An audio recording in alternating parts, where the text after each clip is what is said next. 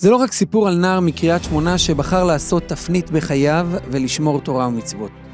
זה סיפור על מעצמה ענקית שהאורח שלנו הוא חלק בלתי נפרד ממנה. איך זה התחיל? איך נוצר הקשר המיוחד עם מורו ורבו הרב זמיר כהן? ואיך? איך הגיע ארגון הידברות להשפעה כל כך גדולה בעולם התשובה? בפרק הזה של סיפור חוזר, יצאנו להכיר את סיפורו של עורך מגזין ואתר הידברות, דודו כהן. שלום לכם, ברוכים הבאים לפודקאסט נוסף של סיפור חוזר, שיחות עם חוזרים בתשובה על ההתחלות, על הדילמות, על האתגרים ועל המסע שלא נגמר, כך קראנו לזה. שלום לאורח, דודו כהן. שלום, שלום. זה, אתה יודע, יש שליח ציבור. דודו כהן, עורך אתר הידברות, עורך אלון הידברות. אני לא יודע מי מהצופים או מהמאזינים אומר לי, מה אמרת קודם, מה קרה לך? ודאי שהאלון לפני האתר. ובעצם, אם אנחנו מחפשים הצצה לעולם התשובה, הידברות זה, זה האכסניה, אני חושב, הכי, הכי גדולה ב, בהיסטוריה. כן, בעצם הפכנו להיות הבית של אה, בעלי התשובה. כלומר, אנשים שהתחזקו מהידברות, אגב, כמוני בדיוק. זאת אומרת, אני עצמי גלשתי באתר הידברות, הורדתי mp3 של הרב זמיר, ובדרך לתל אביב אה, רגע, רגע, הייתי שומע. רגע, אתה נותן לנו פה ספוילר שהוא מדי... לא, לא, בסדר גמור. הוא נותן את כל הסיפור. אוקיי, אבל אז בעצם אנשים חזרו בתשובה דרך אתר הידברות, והרעיון הוא שהם גם ממשיכים איתו. אנחנו לא אה, זונחים אותם וכאילו רק מייצרים את הסטארטר, אלא גם מלווים אותם. אז כן, זה הפך בהרבה מובנים לבית של אה, בעלי התשובה. תגיד, אז רגע, לפני שנדבר על הסיפור שלך, שהוא כ- כנראה, כבר אני מבין שהוא חלק בלתי נפרד מהסיפור של הידברות, אבל כשאתה מנהל אכסניה לעולם התשובה, וכמו שאתה אומר, היא גם ממשיכה ללוות את האחרים, איך, איך עושים את הבלנס הזה? הרי אתה צריך להיות אתה צריך לתת בחנות אחת חלון ראווה גם למי שרק מתחיל, מתעניין, וגם למי שכבר עמוק עמוק בפנים ואתה צריך לשמר אותו, והכל צריך לרצד באותן אה, חלונות זה לצד זה. איך משלבים תכנים? לא רק זה. לכל כך הרבה רמות. תראה, זה לא רק שני קהלים, זה בעצם שלושה קהלים, כי יש גם המון חרדים שנכנסים לאתר הידברות. אנחנו רואים את זה דרך אה, משאלים שונים שקיימנו, וגם מתגובות שאנחנו מקבלים כל הזמן. אז בעצם כן, זה ללכת בין הטיפות. אני חושב שהאתר והצוות, אה, רוב, לא יודע אם רוב, אבל המון המון מהשיחות שלנו בצוות, מתרכזות במה מותר ומה אסור. איפה פה לא לדרוך על משהו, ומצד שני כן להיות אטרקטיביים. זאת אומרת, אנחנו עושים משהו ש, שלא היה. אה, אז כן, זה, זה מאוד מורכב. אבל פיתחנו איזושהי שיטה, ויש לנו את הקווים והגבולות שלנו, וכל הצוות יודע. אה, כן, אבל יש, יש פה מורכבות לא פשוטה. אני למדתי פעם בישיבה של חוזרים מתשובה, ותמיד, באיזשהו שלב הייתי נכנס, כאילו, חוץ, התפקיד היה ללמוד, תפתח דף גמרא ותלמדו, אבל איפשהו נכנס, אחרי, לפני, מאיפה, מאיפה, מאיפה זה בא לך? אז כל אחד עם סיפור אחר, אני לא אגיד לך שכולם ידברות, אבל אין מישהו שאין שם בחלק מהסיפור הידברות. אני לא רוצה לשמוע סופרלטיב, כולם חזרו בתשובה דרך הידברות, יש כאלה שכן, אמרו כן. נחשפתי להרצאות של הרב זמיר כהן, וחזרתי בתשובה. אבל גם כאלה שלא, חזרו כי מישהו היה חולה או מישהו במשפחה וזה. בסוף, זה, זה חייב לעבור שם. אני לא מאמין שיש חוזר בתשובה. בשני העשורים האחרונים, כמה שנים אנחנו מדברים?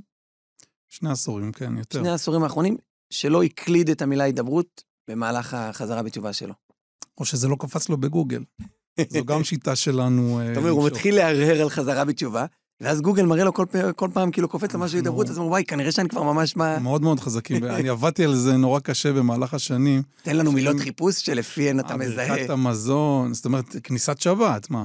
בן אדם, זה המשפך, בן אדם כותב כניסת שבת, אפילו אם הוא חילוני, מסורתי. אוי, זה גדול. באים אליו... רגע, אני חייב להסביר, תן לי להניח שיש מאזינים וצופים שלא מבינים מילה מה שאנחנו מדברים. כשאתם נכנסים לגוגל, והוא מביא לכם תוצאות מסוימות, הרבה פעמים עובד מאחורי זה קמפיין ממומן שמזהה את התוצאה שאתם רוצים. גם אם אתם מחפשים סוכן ביטוח, והוא אחרי זה מציע לכם איזושהי עסקה, פוליסה מסוימת, כפרסומת או אפילו כתוצאה של משהו אחר, זה בגלל שמישהו זיהה מה אתם מחפשים. אז דודו כהן מזהה איך אנשים מתעניינים ביהדות, תמשיך. לא, זו לא שיטה שאני פיתחתי. כן, יודע, אני אומר, לא, זה המוצר שאתה צריך לתת... אה, כן, אבל זה גם לא ממומן אגב. כל הרעיון הוא, ממומן זה בור בלי תחתית מבחינה תקציבית, אז הרעיון הוא להגיע לתוצאות הראשונות בצורה אורגנית. זאת אומרת, תפילת הדרך, מזמור לתודה, מלא מלא מלא ביטויים, יש לנו, אם אני לא טועה, 750 ביטויים שאנחנו במקום הראשון. שאז אתה בעצם צריך לשתול אותם בתכנים שאתם מפרסמים. כן, או שאתה יוצר את התכנים בכוונה כדי שהם זה, ואז בן אדם נכנס ל... אני לא יודע איך, אם מותר להגיד לזה אתר. כן. אה, קופץ לו איזה חלון, האם אתה מעוניין לקבל עדכונים. הוא אולי בטעות לחץ כן, וזהו, מאז הוא, אנחנו שולחים פושים. מותר להגיד פושים? דחיפה. שולחים דחיפות. כן. אתה לא מהקהל החרדי של הידברות. לא, ממש לא. ממש לא. גם היום, אגב, אני לא... זאת אומרת, ההשקפה שלי היא חרדית, אני הרבה יותר מזדהה עם המגזר הזה, אבל. אני עצמי לא... אתה מגזר בפני עצמך. אני אומר, אני אומר לך, כבר גילינו את זה. יש מגזר שנקרא חוזרים בתשובה. לא, כי בהתחלה זה לא היה מובן מאליו, אני זוכר את עצמי הולך לשיעורי הדף היומי וחוזר אה, עם רב דתי-לאומי, וחצי מהאנשים חרדים, חצי חרדים וחצי דתיים לאומיים. ככה זה הרבה בקריית שמונה, אגב, יש שילוב מאוד, אה, שהרבה יכולים ללמוד ממנו. כן, אני גר בקריית שמונה, נולדתי בקריית שמונה. ואני זוכר את עצמי כל הזמן מתלבט, מה אני? אני חרדי, אני דתי-לאומי, מה? וכאילו זה הציק לי ברמות של, זאת אומרת, גם בשלב מסוים אתה צריך לבחור את, ה, את המסגרות לילדים שלך, זה קורה לכל בעל תשובה. והגעתי למסקנה שאני פשוט מגזר בפני עצמו, אני. יש אנשים שנטמעים פה, יש אנשים ש... כמובן, הרבה יותר בציבור החרדי, אבל אה, הבנתי בשלב די מוקדם שאני לא, שזה פשוט לא אני. ואיך התחיל עוד לפני הדילמות האלה? נולדת בבית... מסורתי. אמ, אבא צבאי. מה זה נקרא מסורתי? זה גם, זה גם מנעד מאוד רחב. כן, זה גם מנעד. אה, שמרנו שבת, אבל... על מלא מה שאומרים? בוא נגיד שכאילו זיופי, בוא, בוא נגיד לא ידענו הלכות בורר, בסדר? או הלכות כאלה. זה. אז אתה יודע, מה שמשפחה מסורתית יודעת, סבא וסבתא דתיים כמובן וכולי, אבל ההורים שלי, כבר בדור שלהם משהו התחיל להיסדק. Uh, והדור שלי, זאת אומרת, שלחו אותי לגן דתי, בית ספר uh, יסודי. לא, אבל פלטה, מיחם, פלטה כן, אה, כן, אבל שוב, נגיד אה, לא, נגיד אחרי הבר מצווה, בגיל 13 לא הנחתי תפילין. או, או סתם בגיל 12 עוד, היה לי איזשהו אנטי ליהדות, ואמרתי, אני לא רוצה להיות בבית ספר דתי. כאילו, הם נראים, נראו לי... אה, ואבא שלך כן הניח תפילין? כן, אבל גם הוא, אחרי שנולדתי. זאת אומרת, אבא שלו נפטר, ואחרי כמה שנים הוא... אני לא, לא גדלתי. לא, אני מנסה להבין, לפני שאנחנו לא מדברים על החוזרים בתשובה, בדיוק, הפרופיל המסורתי, אומר, יכול להיות שאני מניח תפילין, אבל אני לא הולך להתקוטט על זה עם הילד שלי. כן, כן, בדיוק. זאת אומרת שכל אחד יעשה מה שזה. אמ, הייתה לי סבתא צדקת, פרחה כהן, הייתה מברכת אנשים, אתה יודע, זה מהמרוקאים האלה של פעם. אנשים היו עולים אליה על הרגל, היא הייתה בקשר עם הבבא חכי, אח של, אחיו של הבבא סאלי. בקיצור, כאילו, זה, זה באמת היה פולקלור, והדור שלנו, אני, אני הייתי בבית ספר ממלכתי-דתי, רמב"ם, ופיתחתי שם אה, אנטי מאוד מאוד חזק ל, ליהדות. קודם כל, הייתה לנו טלוויזיה בבית, אפרופו מסורתים. והעולם ההוא נראה לי מאוד קוסם, כאילו, זה העולם הגדול, יש שם דברים, יש שם תכנים. זאת אומרת, הייתי די מכור לטלוויזיה, ו- וכל הדתיים נראו לי כאילו לא, לא מספיק מגניבים, לא מספיק קולים. ואני זוכר את עצמי ממש, הוא אומר, אני לא נשאר בבית ספר הזה. התחילו בדיוק לימודי גמרא, גם כן לא הבנתי כלום, לא הבנתי מה אכפת לי, חמור, אה, פרה שנפלה לאיזה בור, או משהו כזה, כאילו פיתחתי גם uh, כל מיני תיאוריות. ובקיצור, לא, לא רציתי להיות שם. ועברתי לבית ספר אה, חילוני, לצערי. שם... אה, מה תגובת ההורים? זה רצונך? מצוין, כן, סבבה. כן. כן. Uh, הייתי שם, uh, חוויתי לא מעט דברים uh, קשים, כאילו, מבחינת uh, חברה. לא, לא מצאתי את עצמי... Uh, הייתי ילד די דחוי, אפשר להגיד, נער די דחוי. לא זוכר לטובה בכלל את שנות הנעורים שלי, חוץ מכמה קרני אור uh, זה. השיא היה, אגב, שכמה ילדים שהציקו לי, עמדו למטה, תחשוב, כיתה ט', י', משהו כזה, אה, עמדו למטה ביום שישי בערב, ואני שמעתי שבת. ואתה יודע, ואז כולם קוראים אה, מילות גנאי, אז קראו לי, המציאו איזה, אה, זה דודו king, כאילו king of pop, משהו כזה. אוקיי, אוקיי, לנו זה נשמע זה. מלך, אבל בסדר. כן, כן, היום אני מבין בדיעבד, אבל אה, הם, הם אמרו את זה כעלבון, ו- ואני זוכר את עצמי כאילו שוכב במיטה ומתכווץ, כאילו, ואתה שומע למטה, שלוש, ארבע, ודודו king, וההורים שומעים, ואחי הקטן שומע, ואתה יודע, זה, זה לא נעים. וכאילו, גם שם למדתי שהעולם הזה הוא לא כזה קוסם כמו שזה, אלא ראיתי גם את החוסר מידות שיש בו. כי אני למדתי בבתי ספר חילונים מכיתה ו' עד י"ב. אני אומר לך, פעם אחת אני לא זוכר שדיברו איתנו על ערכים של כאילו, אתה יודע, כיבוד הורים, של עזרה לזולת, זאת אומרת, יש, היו כאלה שהתנדבו במד"א, עכשיו אני לא מנסה להשחיר, ויש הרבה אנשים זהו, אני, אני מאוד רוצה לשאול אותך, אידיאליסטים. למרות שיש לי פה צד, אתה יודע, גם אם אני ארצה להיראות אובייקטיבי, וחלילה, ודאי בנושאים האלה אני לא אובייקטיבי, אבל כן מאתגר אותך, כי אולי יש לך איזושהי ראייה מאוד מאוד טוטאלית. ראיתי שהדתיים זה, וזה סתם פרה שנפלה לבור, אין שם כלום. ראיתי שבבית ספר הספציפי שלמדת, לא דיברו על כיבוד הורים, והיו כמה ילדים שלא ידעו איך להתנהג, ואתה יודע, ואני מיד בראש שלי מעביר חוויות ילדות מהתלמוד תורה החרדי, וגם ראיתי ילדים שלא יודעים איך להתנהג. ככה בוחרים את, את, את, את אורח חייך? לא, לא בחרתי ככה. פשוט כאילו החילוניות היא הייתה, אגב, לא חילוניות לגמרי, מסורתיות. אני שמרתי שבת רוב החיים שלי. לא, המוסד החינוכי שאתה מתאר אותו, שלא מדברים שם על כיבוד הורים, הוא, הוא מוסד אני, חילוני. הוא מוסד חילוני, אני לא זוכר אותו בכלל לטובה, זאת אומרת, הייתה אפילו לפני כמה שנים פגישת מחזור, כמה שאני בן אדם מאוד מאוד מאוד נוסטלגי, אני כאילו בגיל 11 התגעגעתי לגיל 10. אז אה, לא, לא הלכתי, מרוב שכאילו החוויה שם לא הייתה אה, טובה, אבל אה, לא... הרב זמיר. כן. אבל אה, לא, לא בגלל זה גם עזבתי את החילוניות. זאת אומרת, הבנתי את המורכבות של זה. אתה יודע, זה כמו... כשהייתי עיתונאי, כשהפכתי לעיתונאי, אז ראיינתי אומנים שהיו גיבורי ילדותי, ונורא התאכזבתי מהם ברמה האישית. אז כאילו, לא בגלל זה גם...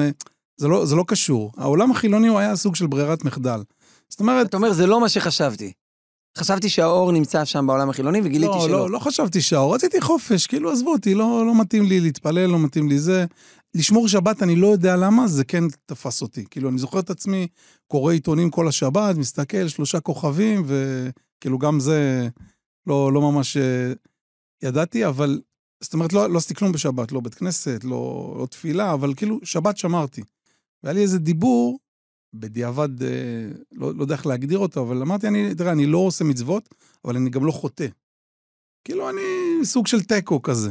וזה לא נכון, זה הרי קשקוש uh, מוחלט, uh, כי, כי זה, לא, זה לא עובד ככה.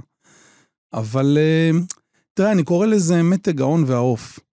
כי כשאתה חילוני, או מסורתי אפילו, אתה עושה הרבה דברים שבדיעבד הם לא נראים הגיוניים. נגיד, חוף ים, זה לא הגיוני בשום צורה, לא, לא ארחיב, אבל זה לא הגיוני הצורה הזאת, זה גם לא הגיוני חתונות חילוניות. כאילו, מה שהולך שם, שגבר נשוי, הולך, זה, זה, זה לא הגיוני, ו, אבל כשאתה חילוני או מסורתי, יש את המתג הזה של העוף, כאילו, יש שם איזה עוף. והיום אני מבין הרבה דברים ש... ש... בזמן אמת כאילו לא, לא ראיתי אותם כבעייתיים. כי אתה חי, כי כולם עושים את זה, ו... ביהדות הכל הגיוני? ברית מילה אה, זה הגיוני? תראה, יש הרבה דברים שהם, שאני לא... אה, כמובן, כולנו לא מבינים את ההיגיון, אבל אני אומר, אם כבר לחיות בסוג של הסתר... אם כבר אני לא מבין, ברור שיש כן. מישהו מעליי. לא, אם כבר אני לא מבין... אני, יש לי חבר חילוני, שאמרתי לו, כאילו אז בזמנו נורא ניסיתי להחזיר אותו בתשובה, כמו כולם בהתחלה. אמרתי לו, תשמע, אני לא אומר שיהדות, כאילו יש לי את כל התשובות והכול, אבל משהו בטוח, חילוניות, זו הצורה הכי לא נכונה לחיות. זאת אומרת, אין לך תכלית בכלל. וזו אגב הנקודת ש... הנקודה שלי. התכלית, כאילו, זה, זה לא הגיוני שכל הדבר הזה, כל היופי הזה, כל המורכבות הזאת, הנשמות שלנו, החיים, המוות, כאילו הכל סתם, זה לא הגיוני. אתה יודע, ב, ב, אפילו ברמה בלי, בלי דת. לא הגיוני לי ש, שסתם באנו לפה, הכל סתם. הכל כאילו בלי, בלי שום תכלית, בלי שום מהות. זה היה לי ברור, כל הזמן אחזתי שיש מישהו שברא את העולם, ואם הוא ברא את העולם, אז כמו שאני אבא, ויש לי חמישה ילדים ברוך השם, ואכפת לי מהם, ואני חי אותם, ואני רוצה שיהיה להם טוב, ואני מלמד אותם כאילו איך, איך, איך אה, למצות את החיים, אז ברור שגם מי שברא אותי, הוא לא סתם ברא אותי וזרק אותי פה. ברור שהוא נתן איזו תורה כלשהי, ברור שהוא נתן מסמך. אז התחלתי גם לבדוק מה, מה זה המסמך הזה. על איזה גיל אנחנו מדברים? אתה נותן uh, משל להיום אני אבא לחמישה ילדים, אבל התובנה הזאת כן, מתגבשת בך ש... תראה, התובנה, אה, אני, אני התחתנתי בגיל די צעיר, את אשתי הכרתי בצבא, אה, והתחתנו, הייתי בן 22 בערך. אה, לא רצינו בהתחלה ילדים. ואני זוכר, בעלה של דודה שלי, הרב גבריאל אסור, הוא בא אליי ואמר לי, בשבת חתן, איזה יופי, עוד מעט ילדים וזה, ואמרתי לו, לא, לא, עזוב, אנחנו לא... אמר לי, מה, למה לא? אמרתי לו, אנחנו צעירים, מה, מה עכשיו דחוף? הוא אומר לי, דודו, זה לא עובד ככה. אם אתם תימנעו מזה, אז אתה יודע, הקדוש ברוך הוא יכול עכשיו לפתוח את הדלת, את החלון חצי שנה, ואחרי זה לסגור אותה לכמה שנים, זה לא, אמרתי לו, מה הקשר? כאילו, אם אי אפשר עכשיו, אז גם אי אפשר עוד איזה. הוא אומר לי, דודו, אתה משחק באש, לא כדאי. אני ממש זוכר את השיחה הזאת. ושוב, כאילו, המתג הוא אלוף. אתה לא באמת, אה, כאילו, בסדר, אתה זורם. חי את החיים, מה שקוראים. כשאתה מתחתן אשתך באיזו רמת מסורתיות? אה, שמרה שבת, איתי, אה, אבל לא, לא מעבר, היא באה בא מבית חילוני. בגלל הקשר איתך. בגלל הקשר איתי, התחז... היא תמיד האמינה כזה, היא גם הייתה בן אדם רוחני שמגיל שלוש שואל את uh, מה, מה כל הסיפור הזה. ואחרי חצי שנה, כשכבר רצינו ילדים, אז ראינו שזה לא הולך. עוד חודש ועוד ועוד ועוד, ואתה כאילו מתחיל להיכנס למין חרדה קיומית, כאילו, אני לא יודע אם אתה... מי שעבר את זה יודע, כאילו זה מין, לא יהיה לי המשכיות, אני אהיה כל החיים ככה, זה, זה. ואז, אה, אתה יודע, חודש אחרי חודש, אתה רואה שזה לא מגיע. ורק מי שעבר את זה, אני חושב, יכול להבין, זה, זו מין חרדה קיומית, שאתה לא יודע אם תהיה לך בכלל המשכיות, אם... כל דיווח על בן דודה או בת דוד של... אה, שהם בהיריון ומצפים לתינוק, זה מפיל אותך. כאילו, ואתה כבר מתחיל לחשב את הברית. כאילו, מה, מה, איך אני הולך להיות בברית, והאם יעבירו לי את התינוק כדי להעביר אותו, יש איזו סגולה כזאת. ואטר, בעברית. אוקיי, באנגלית. כן. אמ, ואתה יודע, וזה פשוט. כולם באירועים משפחתיים בקרוב אצלך, וזה מאוד מאוד מייסר, באמת, זה מאוד מייסר. כמה זמן זה? נמשך התקופה הזאת? כשנולדו התאומים הראשונים שלנו זה שלוש וחצי שנים. וואו. אז תגיד, אנחנו לגמרי חורג מהנושא של הפודקאסט. מה העצה שלך למעגלים מסביב? כן בקרוב אצלך או לא בקרוב אצלך? כתבתי על זה טור, אה, חד משמעית לא להגיד בקרוב אצלך. לא להגיד, זה פשוט פוצע. ואם מישהו מגיע ואומר, אני מתפלל עליכם, לא מעניין אותך כרגע. גם לא, לא, לא יודע, לא יודע, אבל בפרט לא בפורום רחב, וזה זה מאוד מאוד, אה, זה, זה מלווה אותך כל הזמן. ושם בעצם נפל לי האסימון. אמרתי לעצמי, רגע, אני עשיתי, אנחנו בהתחלה לא רצינו ילדים ואמרנו את זה, ויכול להיות שעכשיו זה, זו התשובה של הקדוש ברוך הוא, גם הזהירו אותי, אמרו, אמרו לי את זה. זה יכול להיות שכאילו חטאתי, ועכשיו אני משלם את המחיר. השאלה, אם, השאלה אם אני רוצה לחטוא כל החיים, ועוד פעם לשלם את המחיר, ולחטוא ולשלם, אני לא רוצה את זה. כאילו, אני רוצה, אוקיי, הבנתי. תודה, הקדוש ברוך הוא. אמרתי לאשתי גם, אני זוכר, בתחילת תהליך ההתחזקות, אמרתי לה, תקשיבי, כמה שהתהליך שאנחנו עוברים עכשיו הוא מייסר, אני אומר תודה לקדוש ברוך הוא מראש, שהוא העביר אותנו, כי אם לא, לא היינו מתחזקים עכשיו. ואז uh, אתה מתחזק, זאת אומרת, יודע, לא, לא ידעתי בכלל איך להניח תפילין, לא זכרתי מהבר מצווה.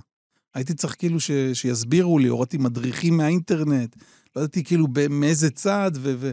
כל ה... שתבין שבן אדם שהוא לא, לא בעניינים, הוא, הוא באמת אבוד. אמ, ואז חמתי אמרה לי איזה יום אחד, כאילו גם כן, כשהיינו בכל המצב הזה, אמרה לי, דודו, יש איזה רב אחד בערוץ המקומי, אז עוד לא היה ערוץ. הם שידרו כאילו בערוץ 9 או משהו כזה, משהו, משהו מיוחד. עכשיו, רב בטלוויזיה, זאת אומרת, אני אז כתבתי כבר בעיתון רייטינג, הייתי כתב טלוויזיה, כתב בידור, כאילו ראיתי את כל ה... כל הדברים שפתאום רב שעומד מול מצלמה ומדבר, זה כביכול הדבר הכי לא טלוויזיוני שיכול להיות. אבל מפאת אה, כבודה, ובגלל, אה, אתה יודע, לא, לא נעים, אז, אז ישבתי וצפיתי ו, וראיתי משהו. ראיתי משהו ווואו. אנחנו מדברים על הרב זמיר כהן. הרב זמיר כהן. זה כאילו, אתה יודע, הדיבור, הנימה, ההתייחסות למדע, אתה יודע, אפילו העברית התקנית שהרשימה אותי. אמ, זהו, ועוד הרצאה ועוד הרצאה. אגב, יש שם משהו מאוד מונוטוני אצל הרב זמיר. הוא לא אה, מרצה חוצב להבות. נכון. זה נכון. משהו שמאוד שינה, כאילו, אתה, אתה, אתה לא צריך לצרוח. נכון. לא צריך לתת שתיקות דרמטיות. דבר, מישיר מבט למצלמה ונותן תוכן. נכון, נכון, לגמרי. הוא ממש חודר עמוק, וככה עוד הרצאה ועוד הרצאה, ואז בסוף ההרצאות יש שכנסו לאתר הידברות, אז חיפשתי ב... חיפשתי במשהו, ומצאתי את אתר הידברות, הורדתי משם אה, סרטונים, הקלט, זאת אומרת, אז היה אה, דיסק און קי כזה, שהוא גם נגן, אה, לא היה את זה בטלפונים, היה דיסק און קי. הייתי מעביר, ואז כאילו בדרך אה, לתל אביב, כש- באוטובוס, בקו 845, כשהייתי הולך לראיין את סבלי מינהל, או גדעון רייכר, או כל מיני כוכבים כאלה, אז הייתי שומע את ההרצאות שלו. אה, וזהו, ושם התחזקתי, ויום אחד, אה, זאת אומרת, ההיכרות עצמה עם הרב זמיר. א- אגב, אז איך כתבתי... ידעת שזה מה שאני רוצה לשאול? כן. איך נראה המפגש הראשון שלך עם הרב זמיר כהן? אני רק אספר שאני אני פשוט יודע שאחד מילדיך קוראים לו זמיר, על שם הרב זמיר כהן, כפי שמקובל נכון. אצל עדות המזרח. כן. שיהיה רב גדול בעזרת השם, קוראים לו הרב זמיר כהן. הוא- והוא לא מיוחד. הוא מיוחד לגמרי. הוא הוא והתאום שלו, צוריאל, זה זה פשוט... אה, כל הילדים כמובן, אבל... בכל אופן, אה, כבר אז הייתי בתחילת אה, תהליך התשובה, ו- ואז רציתי לפנות לרב זמיר, אבל לפני זה אני אספר עוד משהו שככה אבן דרך מאוד משמעותית, ששם בעצם הייתי צריך לבחור. אה, ערכתי אז, זו העבודה הראשונה שלי אחרי הצבא, מקומון בשם מידע שמונה בקריית שמונה. מאיפה הגיע הרצון בכלל לעסוק בתקשורת? תמיד. שמעתי רדיו, קראתי עיתונים, הייתי תולעת עיתונים. ברמה של, אני לא יודע מה, עיתון אותיות, אם אתה מכיר, בגלגולו הראשון של אורי אורבך, זיכרונו לברכה. אה, תמיד אהבתי את הזה, אבל לא דמיינתי בכלל שאני אעסוק בזה. כאילו, לא... מה לי ולזה? מי, מי מכיר אותי בכלל? אה, במהלך הצבא מאוד אהבתי מוזיקה, ועד היום אני אוהב. אז אה, במקומון, שאז, אתה יודע, מקומונים זה היה וואו. ראיתי שהתפנה תפקיד של כתב מוזיקה, אז פניתי וקיבלו אותי במקום. כאילו, התנאים היו זה, תגיש בזמן ותקבל uh, כמה גרושים. Um, התחלתי לכתוב את הטור מוזיקה, והשתפשפתי והכירו אותי, ולמדתי גם uh, לערוך גרפית את המדור שלי. ובדיוק לפני שהשתחררתי, אז התפנה מקום של העורך, מקום העורך. הצעתי את עצמי, ולהפתעתי התקבלתי. זה היה ממש משמיים. Uh, מקומון, אתה יודע, שכולם, כאילו, כל קריית שמונה, כל יום שישי זה, זה must. יש גם משהו מפחיד לכתוב במקומון, כי זה לאנשים שהם סביבך. כן, זה אנשים שהם סביבך. אתה כותב סביבך. משפחה, אז אתה פעם כן, פה, לא באיזה בית. כנסת, באיזה נכון. שטיבלח, שאתה לא זה, מישהו ניגש ואומר לך פה, כל, כל מילה שאתה כותב, זה אנשים שהם אה, איתך במכולת. לגמרי, לגמרי. מנחם הורוביץ כתב אצלנו, זאת אומרת, אני בגיל 21 ומשהו הייתי העורך שלו. תבין, כאילו, זה, זה פשוט, זה לתת כאילו כוח כל כך גדול ל- לילד. אה, אבל השתפשפתי שם הרבה, הייתי שם אה, שלוש שנים בערך, ולאט לאט גם התחזקתי. שם, שם התחיל כל העניין של הפוריות. ואחי, אחי הקטן, שמעון, הוא התחזק לפניי, והוא בא אליי איזה פעם ואומר לי, דודו, אתה יודע שאומרים שכל ישראל יש להם חלק לעולם הבא, מלבד אפיקור סיני ומחטיאה רבים. אז שים לב, אתה שם לפעמים תמונות שהן לא צנועות בעיתון. אז אה, אתה יודע, זה, זה לא שאתה מחטיא את עצמך, יש פה אה, מקומון באיזה 14 אלף עותקים. אתה חושב שאתה גורם לכולם. אז אמרתי לו, וואלה, כאילו, זה, זה נורא הפחיד אותי, בואנה, זה, זה אשכרה עוצמה ב... שלא יודע מה. אה, ואז התחלתי לעשות כל מיני טריקים. כאילו, קיבלתי תמונות שהייתי חייב להכניס. זאת אומרת, הבעלים בא ואומר לי, דודו, תכניס את זה. אז הייתי שם את הכיתוב, על כאילו, שהכיתוב יסתיר חלק מהתמונה, וככה הייתי יוצא ידי חובת כל השיטות. אה, עד שהתחילו לחשושים במערכת, ואז הם קלטו את זה, עלו עליך. עלו עליי, כן. ראו אותך ממלמל איזה משהו לפני שאתה אוכל, ואמרו, אה, כן, רך כזה על המשקוף, וטעות, אמרו, שם יד על המזוזה. משהו כזה. זה לשם ייחוד לפני כן. הוספת הכיתוב. ו... ואז כאילו היה פיצוץ, אה, הבעלים בא, אתה עכשיו מכניס את זה, בלי כל הטריקים ובלי... אמרתי לו, תקשיב, אני לא מכניס את זה. אומר לי, לא, אתה לא רוצה, תתפטר. אמרתי לו, אני לא מכניס את זה, לא מעניין, אין בעיה, תקום, אני אכניס את זה. הוא ישב על המחשב שלי, סידר את זה, הוא גם ידע, כאילו, את הטכניקה הזאת. והוא אמר לי, אם אתה לא רוצה, אתה לא רוצה ל- לעשות מה שאני אומר, תתפטר. אמרתי לו, אין בעיה, תתפטר. אומר לי, הוא הופתע כאילו מהמהירות, הוא אומר לי, לא, אני רוצה בכתב. כתבתי, זה, שלום רב, אני מתפטר, דודו. בכתב יד. חתמתי, כן. הוא- הוא רואה את זה כאילו מופתע. תשמע, משכורת ממש מכובדת ל- לילד. יומיים עבודה בשבוע. וכאילו, ואני זורק את זה. אז הוא, לא, אני רוצה את זה מודפס. אמרתי לו, אין בעיה, תקבל מודפס. גם כן, פתחתי זה, אני מתפטר, זה, חתימה, זרקתי לו את זה. ובאמת, כאילו, הם מצאו עורך אחר די, די מהר, ו... אבל פה, אתה יודע, וכל הסביבה שלי גם, תגיד לי, אתה נורמלי? משכורת, מעמד, כאילו... ואני מניח שגם מבחינה רוחנית, יכול מישהו להגיד, הרי תמיד יש את ה... אם אתה לא תהיה שם. נכון. נכון שלא נותנים לך לשלוט ב-100% מהתכנים וב- וב- והעיצובים והתמונות. אבל עדיין, אתה מנהל את זה קצת יותר טוב ממישהו שהוא אה, חילוני לגמרי, והשתולל שם כאוות נפשו. הייתה לי את הדילמה הזאת בדיוק כמה שנים אחרי. קודם כל התפטרתי משם, עזבתי. כי הייתה לי פה אחריות של עורך. ברייטינג עדיין המשכתי לכתוב, כי אמרתי, תשמע, אני כתב, אני לא אחראי על העיצוב, על התמונות, על הזה, אני כותב את מה שאני כותב. רייטינג זה שם של עיתון. רייטינג זה שם של מגזין בידור וטלוויזיה שהיה, הוא נסגר מאז. אנחנו, כן, כן, אני, אתה אומר ברייטינג הייתי כותב. זה כן, נשמע כאילו, אוקיי. כל אחד רוצה לכתוב ברייטינג. שיש, הייתה לי את הדילמה הזאת אה, כמה שנים אחרי, כשקיבלתי הצעה מערוץ 24, זה ערוץ מוזיקה, אה, להיות עורך קליפים. זאת אומרת, אני מקבל רשימה ענקית של קליפים, ואני מחליט מה יהיה ראשון, שני, שלישי וכן הלאה. ונורא התלבטתי. אה, זאת אומרת, ודאי שחייב להכניס שירת נשים, ודאי שצריך להכניס קליפים שהם לא, אה, בוא נגיד, אין להם ת- תו לא של להקת. מלכוס. כן. אמ, וכבר, כאילו, יש, התייעצתי עם כמה רבנים, כולל הרב זמיר אגב, שעוד לא, לא הייתי בהידברות, אבל ברור, ואנחנו עדיין לי- מחכים לשמוע את המפגש הראשון כן. שלכם, אנחנו בסוגריים. אמרו לי לא. אה, אמרו לי, תראה, יכול להיות, אולי, זה, זה, זה, זה, זה. אמרתי, אני לא, לא לוקח את הצ'אנס. כאילו, אחרי שעוד עשיתי, עזבתי את מידע שמונה, עכשיו לחזור ל, לזירת הפשע הזאת, אני, הספיק לי. ואז אחי אמר לי, שהוא גם, הוא בעל תשובה עוד לפניי, אמר לי, תשמע, דודו, אולי זו הזדמנות. כלומר, אתה יכול להכניס קליפים של אה, אמיר בניון, של גד אלבז, נכון שאתה תצטרך גם להכניס דברים אחרים. שמעון, שאומר קודם מחטיאי הרבים, כן, לא, הוא לך, אמר לי... אולי תהיה עכשיו ממצדיקי הרבים, אתה ת... כן, אבל הוא, הוא, הוא סייג את זה ואמר לי, שמע, לך לרבי דוד אבוחצירא מנהריה, הוא ייתן לך את הזה. באמת, באתי אליו והכל, סיפרתי, והוא החזיק לי את שתי הידיים, ככה בידיו החמימות, הסתכל לי ישר בעיניים, ואמר לי, בני, במקום שיש אש, אל תכניס את הידיים שלך. זהו. פתר לי את הספק ואין שמחה כהתרת הספקות, יצאתי משם שמח, מאושר. שלחתי מייל לעורך של אה, 24, וויתרתי על זה ממש בשמחה. היו עוד כמה ויתורים בדרך, אבל בגדול אלה היו השניים וואו. המשמעותיים. אתה יודע, בקריירה תקשורתית, אתה שואל מישהו, איך הגעת ל... עורך אתר הידברות. זה... אז הוא אומר לך, הייתי פה, הייתי פה, הייתי פה, ופה זה בדיוק הפוך. ויתרתי פה, ויתרתי פה, ויתרתי פה. וככה הגעתי ל... למה שהגעתי, ברוך השם. כן, אתה יודע, עוד חשבתי לעצמי, כשהייתי ברייטינג, זה היה עיתון כל כך אה, לא כשר, שכשחזרתי בתשובה ועזבתי את רייטינג, אז אמרתי לעצמי, למה הקדוש ברוך הוא בכלל, למה שמת אותי פה? כאילו, התעסקתי בכל כך הרבה רפש, זאת אומרת, עשיתי גם דברים טובים שם, כן? צריך לציין, הייתי כזה קול בודד בין כל ה...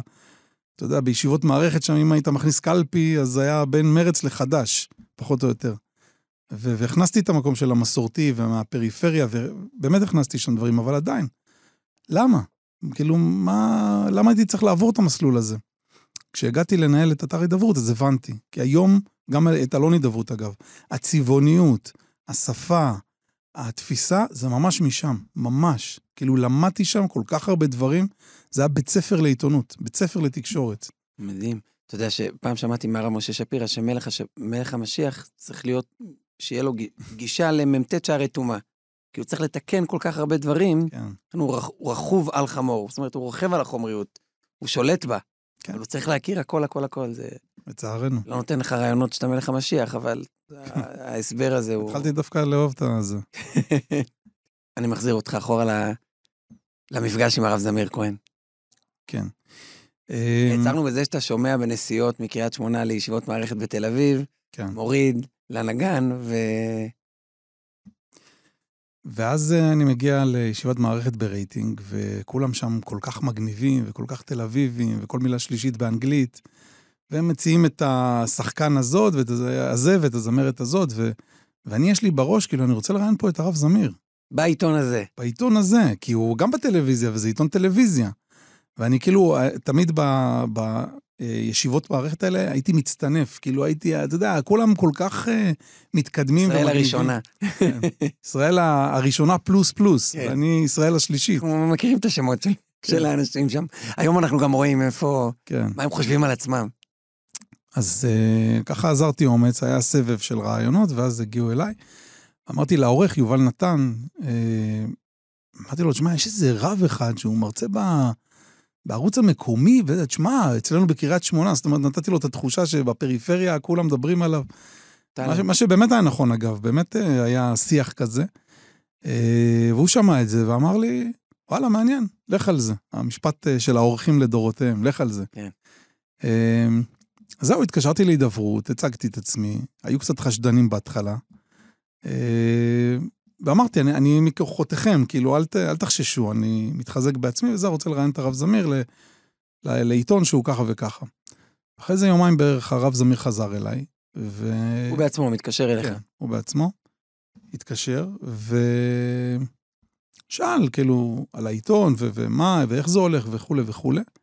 ואז הוא אמר את הבקשה היחידה ששמעתי בכל הקריירה שלי, ושמעתי המון, אני ראיינתי מאות אם לא אלפי אנשים. הוא אמר, אה, אני, אני מוכן להתראיין, אבל בתנאי שלא יזכירו את השם שלי בכלל על השער. עכשיו, שתבין, כשאתה הולך לראיין מישהו, אז המלחמה מול היחצני זה האם הוא יקבל שער, האם הוא יקבל הפנייה בשער, יש כאילו הרבה יחסי... בוא, אני אומר לך גילוי נאות ככותב בעיתון משפחה, דבר ראשון שאתה מקבל את העיתון. כן, ברור. תגיד לי, אריה ארליך נתן ציטוט של הטור שלי בשער, כן או לא? אני מקווה שאריה ארליך שומע את זה. לא, לא, לא, אני רואה גם איך הוא מחלק את זה. אחת ל... זה מגיע. כן. אז כן, גם אני עקבתי כמובן. שואל מישהו, רגע, למה הוא יש לו יורצייט השבוע? לא... אוקיי. אמ, אז... ופה יש לך מרואיין שאומר, בתנאי שאני לא מוזכר בשער. כן, אמרתי, אבל למה? זאת אומרת, להפך, אה, אולי כדאי שאנשים... הוא לא מבין מה זה תקשורת. לא, הוא דווקא הבין יותר ממני. כן. הוא אמר, תראה, אם יש מישהו שקצת שמע עליי וצפה בהרצאות, והוא סתם ילך ברחוב וירד דוכן עיתוני, ופתאום יקפוץ לו הרב זמיר כהן ברעיון. הוא יכול לקנות את העיתון, ואם זה עיתון כזה גרוע רוחנית, כמו שאתה מתאר, אני לא רוצה שהוא ייחשף גם לשאר הדברים. זאת אומרת, אם בן אדם כבר קנה את העיתון והוא קורא אותו באופן קבוע... איזה סיפור מדהים, וואי, כן, וואי. מאוד הרשים אותי. נפגשנו בעזריאלי, אה, רעיון, אה, זאת אומרת, אני באתי אליו בהדרת כבוד, אה, גם הסכמתי להעביר אליו את הרעיון לפני שהוא פורסם, שאם היו תופסים אותי אז כמובן, כמובן היו מפטרים אותי, כי זה היה אסור בתכלית האיסור, אבל אמרתי, מה, לרב אני אגיד לא, אז העברתי כמובן. אמ, זהו, אחרי, היינו קצת בקשר, כי התייעצתי איתו גם על ענייני הפוריות. אה, אחרי כמה שנים ראיינתי אותו שוב למקור ראשון, גם שם עשיתי כתבה על זה. אמ, זהו, עד ש... מה שאלת את הרב זמיר כהן? שאלתי הרבה דברים, זאת אומרת, האם יש לו טקטיקה בהחזרה בתשובה? שאלות נורא של אה, כתב... אה, הצגת אותו כמחזיר בתשובה. לא, אמ, שאלתי אותו, אתה מחזיר בתשובה? אז הוא אמר, לא, אנחנו נותנים מידע, ואם אנשים רוצים, אז שיקחו, אם לא רוצים, אבל לפחות שידעו אה, כלפי מה הם מתנגדים. הוא סיפר שהוא היה ממש אברך צעיר, ואשתו, אם אני לא טועה, גרה בחולון, והוא שמע חבר'ה חילונים על ה... יושבים ככה על הברזלים ומדברים, והוא נדהם, זאת אומרת, הרב זמיר הוא גדל בבית חרדי, תורני, הוא לא הכיר את העולמות האלה. והוא נדהם לשמוע את ה... יש לכל חרדי את השלב הזה שהוא מגלה שהרב זמיר כהן הוא לא חוזר בתשובה.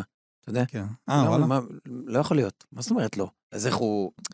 כי זה לא מסתדר, זה לא הגיוני, הרי הוא מכיר כל כך טוב, הוא מדבר איזה... נורא. אה, זהו, אז זה נורא כאב לו, ואז הוא התחיל אה, אה, לכתוב, אם אני לא טועה, חוברות, ואחרי זה קלטות, ואז דוד טופיק, כיום מנכ"ל הידברות, הוא בא והציע לו, בוא, אני אקליט, נעשה הקלטות, אז היה הקלטות, אחרי זה דיסקים, וכן הלאה, ואז אולי נצלם את זה גם. וככה הלכה והוקמה לה הידברות. ואני סיקרתי את כל זה מהצד, כתבתי גם ברייטינג עוד כתבה על הידברות, אה, כאילו ממש על הערוץ עצמו, והייתי ככה בקשר. בלי להזכיר בשער? בלי להזכיר בשער כמובן. אה, זהו, ובאיזשהו שלב, ב-2009, הרגשתי כאילו שכבר נמאס לי, באמת, הייתי מקבל את רייטינג, כאילו, פותח את העמודים שלי, תולש אותם, כי אני שומר, כאילו, שמרתי אז את הזה, מכניס לקלסר ופשוט זורק את זה בשאט נפש לפח. אמ, והצעתי לרב זמיר. התקשרתי או שלחתי מייל, אמרתי, הרב, חשבתי להקים אלון להידברות. מה הרב אומר? כאילו אלון מעניין וזה, יש להרבה ארגונים, יש להרבה מקומות. אז הוא אמר, רעיון נהדר, הפנה אותי. אלון לבתי הכנסת. כן, הפנה אותי, ו... מפה לשם, כאילו, בגלל שלא היה תקציב אה, להדפסות ולמשלוחים, אז אמרו לי, שמע, בוא תקים עלון, אבל ניוזלטר. שזה בעצם אה, עלון, אבל במייל. שמתקבל במייל, כן. כן, ואז בעצם זה היה התפקיד הראשון שלי בהידברות. משם הקמתי את שבע ברכות, ומשם את העלון המודפס, לפני בדיוק 600 גיליונות. עכשיו אנחנו בדיוק מציינים את זה. וזהו, הידברות זה, זה פרק אה, אדיר בחיים, זה 13 שנים. אז העבודה באתר התחילה דרך העלון בכלל. דרך הרעיון של העלון, ואז עורך הניוזלטר, היה מנהל לאתר, אחריו הייתה מנהלת, ואני, אתה יודע, הייתי כזה בצד, היו לי עוד עבודות, המשכתי לכתוב ברייטינג עוד איזה שנה וחצי עד שכבר כאילו התפטרתי, זה כבר באמת היה מוגזם. כתבתי במקור ראשון, עבדתי בעוד חברת פילטרנט, ערכתי ניוזלטרים של סלקום, קק"ל, אה, מאוחדת. על מוזיקה, אני חושב שראינו אותך בעוד עיתונים גם. בשבע גם הייתי כותב מוזיקה. בשבע גם, ומאז שעזבתי את רייטינג, אז uh, הייתי שם מבקר מוזיקה. אז כשעזבתי, אז uh, ניהלתי את uh, אמיר בניון ברמת הייעוץ התקשורתי, וגם שהוא ניהלתי... שהוא גם נמצא בהליך החזרה בתשובה באותה תקופה? הוא כבר היה חוזר בתשובה. הוא היה מאוד uh, חזק ומאוד תורני, וגם ניהלתי לו את הרשתות. Uh, אז זהו, תקופה תגיד, ואיפה אשתך בכל הסיפור הזה, בכל ההליך? זאת אומרת, אתה מתאר מישהי שהיא שומרת שבת כי היא התחתנה עם מסורתי? למרות שאני אה, זוכר שהכל התחיל בגלל אימא שלה. כן, זה אימא שלה. כן. לגמרי, בזכותה. אה, אשתי ממש אה, ביחד, לגמרי ביחד. אין פער, זה נדיר. בדרך כלל יש... היה אולי טיפה פער, כי אתה יודע, באופן טבעי תמיד הגבר הוא כזה לומד יותר, אז הוא יודע יותר, ואז הוא רוצה וגם באתי מבית יותר, אה, יותר מסורתי, אבל היא ממש... זאת אומרת, הבנו את, הבנו את החיים פשוט, הבנו את המציאות, שזו המציאות, כאילו, אתה רוצה לחטוף עוד פעם, למרות שזה, היום אני לא, עושה את זה לגמרי מאהבה. לוחות, מבחינת לוחות הזמנים, אתה יודע, אתה מתאר את העבודה בעיתון חילוני, לקח לי שנה וחצי לעזוב. יכול להיות שאשתך כבר אחרי יומיים אומרת מה בא לי עושה שם. זאת אומרת, הכל זה רק... אה, הדיבור כזה של, ידעתי שאני לקראת עזיבה שם, אבל אתה יודע, עדיין, בשיא אגב, ה... כאילו, הייתה תקופה שעבדתי ברייטינג, שזה חילוני, במקור ראשון שזה דתי-לאומי, ובהידברות שזה חרדי. זאת אומרת, אבל מצד שני, תראה, באישיות שלי, אני אף פעם לא התנתקתי לגמרי מה... זאת אומרת, זה אני. אני ספגתי דברים שם, ואני לא יכול למחוק אותם. אין לי איזה כפתור delete שאני יכול לגמרי למחוק, אז אני באיזשהו מקום עדיין קצת שם, עדיין, עדיין פה. ברור שאני אדם שומר מצוות, שומר הלכה, מקפיד והכול, אבל אתה לא יכול לגמרי לגמרי להוציא את, ה, את העבר שלך. אתה לא יכול למחוק 25 שנה בהינף יד. ניסית? האמת שלא, האמת שלא. היו לי ויכוחים, הייתה מישהי גם באתר הידברות, שהיא אמרה לי, שמע, אני זרקתי את כל הדיסקים, עשיתי זה, מחקתי את העבר, זרקתי תמונות. אמרתי לה, לא, כאילו, אני, אני מחביא אותם, כן? אבל, זאת אומרת, אה, היו דברים גרועים כמובן, שבוודאי שאהבתי מהבית, ספרים, דיסקים, אה, המון המון המון דברים. נפטרתי מהרבה דברים, אבל... אבל כאילו לא, לא, לא התנתקתי, לא, לא פיתחתי ניכור לזהות הקודמת שלי. כי זה עדיין אני. זה עדיין אני, אני משם... שמע, שיר שריגש אותך כשהיית בן 15, אתה לא יכול למחוק אותו. כאילו, אז, אז שוב, אני לא עכשיו אשמע והכל וזה, ו... כמובן שיש את הכללים ההלכתיים, אבל, אה, אבל אתה יודע, אני, אני לא מתכחש, בקיצור. מדהים, איך הקשר היום עם הרב זמיר, שהוא גם בתפקיד אה, רבני, הרב שלך, וגם כ... בתפקיד מקצועי. בסוף הוא עומד בראש המערכת. נכון. אה, תראה, אני באמת... אני לא הייתי רוצה שהרב שלי יהיה הבוס שלי. זהו, שהוא, בעבודה. קודם כל הוא לא, הוא לא בוס, אתה יודע, יש גם מנכ"ל ויש אה, צוות וזה, הרב הוא יותר הדמות הרוחנית. הוא מתווה דרככם. הוא מתווה דרכנו לחלוטין. ואתה יודע, אתה, אתה אומר שלא היית רוצה, אבל פה במקרה של הרב זמיר, הוא, הוא מדבר הרבה על מידות, הוא מדבר על נועם, דרכי דרכי נועם וכולי. ואני באמת אומר לך... גם כשהוא לא מדבר על נועם, הוא מדבר נועם. נכון, זה כל כך בולט אצלו. אבל, אבל הוא באמת חי את זה. זאת אומרת, זה באמת הוא, הוא אומר את זה, והוא אשכרה מקיים את זה. אתה רואה שקורים לפעמים דברים שיכולים מאוד להכעיס. זאת אומרת, כל בן אדם אחר היה רותח וזה, והוא תמיד עם הדרך נועם שלו ועם הדרך ארץ, שזה מדהים. באמת, 13 שנה אני עובד בהידברות, ואני לא זוכר איזה משהו, אתה יודע, באמת, זה, זו, זו זכות. ואני אומר לעצמי, כאילו, הרבה פעמים, איך אני הקטן מקריית שמונה, הבן של שלום ואסתר, אה, כאילו, איך, איך בגלל, איך בכלל הגעתי למקום הזה? זה, זה עד היום לא נתפס בעיניי, כן? אני רואה את, את האלון, את כמות העותקים, מתקרבים ל-300 אלף עותקים בשבוע. וואו. שזה, אתה יודע, כשהתחלנו, אמרתי למנכ"ל, מה, איך נגיע, העלונים הכי גדולים זה 60 אלף עותקים, נראה לך שנעקוף אותם? אתם הכי גדולים. כן, כן. שזה, ש, שוב, זאת תעלומה, אני לא, לא יכול אה, להסביר ולהבין את זה. אבל שוב, הרבה פעמים אני חושב לעצמי, איך, איך בכלל, מה לי ולזה? מדהים. שאלה אחת שאנחנו שואלים את כולם, וגם אותך, תן לנו שיר לסיום שאיתו ניפרד.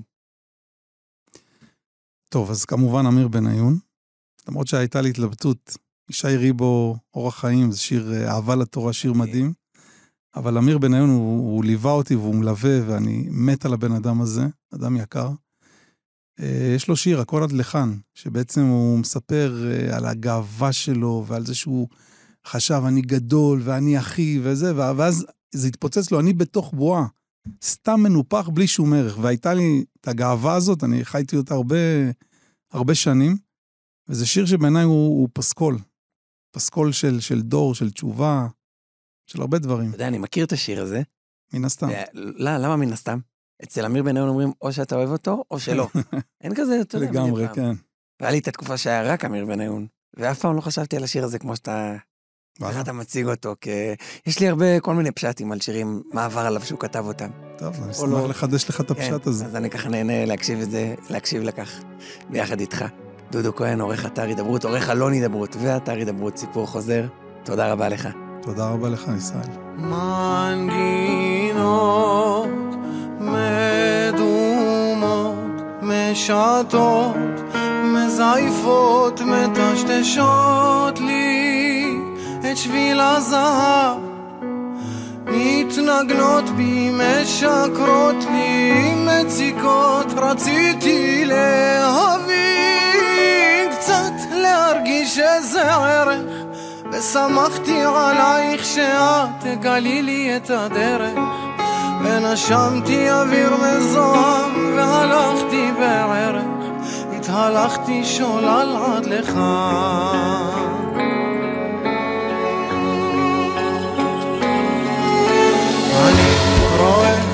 אני מרגיש, אני רוצה, אני אדיש, אני חכם, אני יכול, אני גיבור כל כך גדול, הכל אני, אני הכל, אני חזק, אני בתוך בורה, סתם מנופח בלי שום ערך, וידעתי בסופו של דבר היא תתפוצץ לי בדרך, התביישתי כמו מצורע, הרגשתי בערך, ואולי זה הכל עד לכאן והלוואי שזה הכל עד לך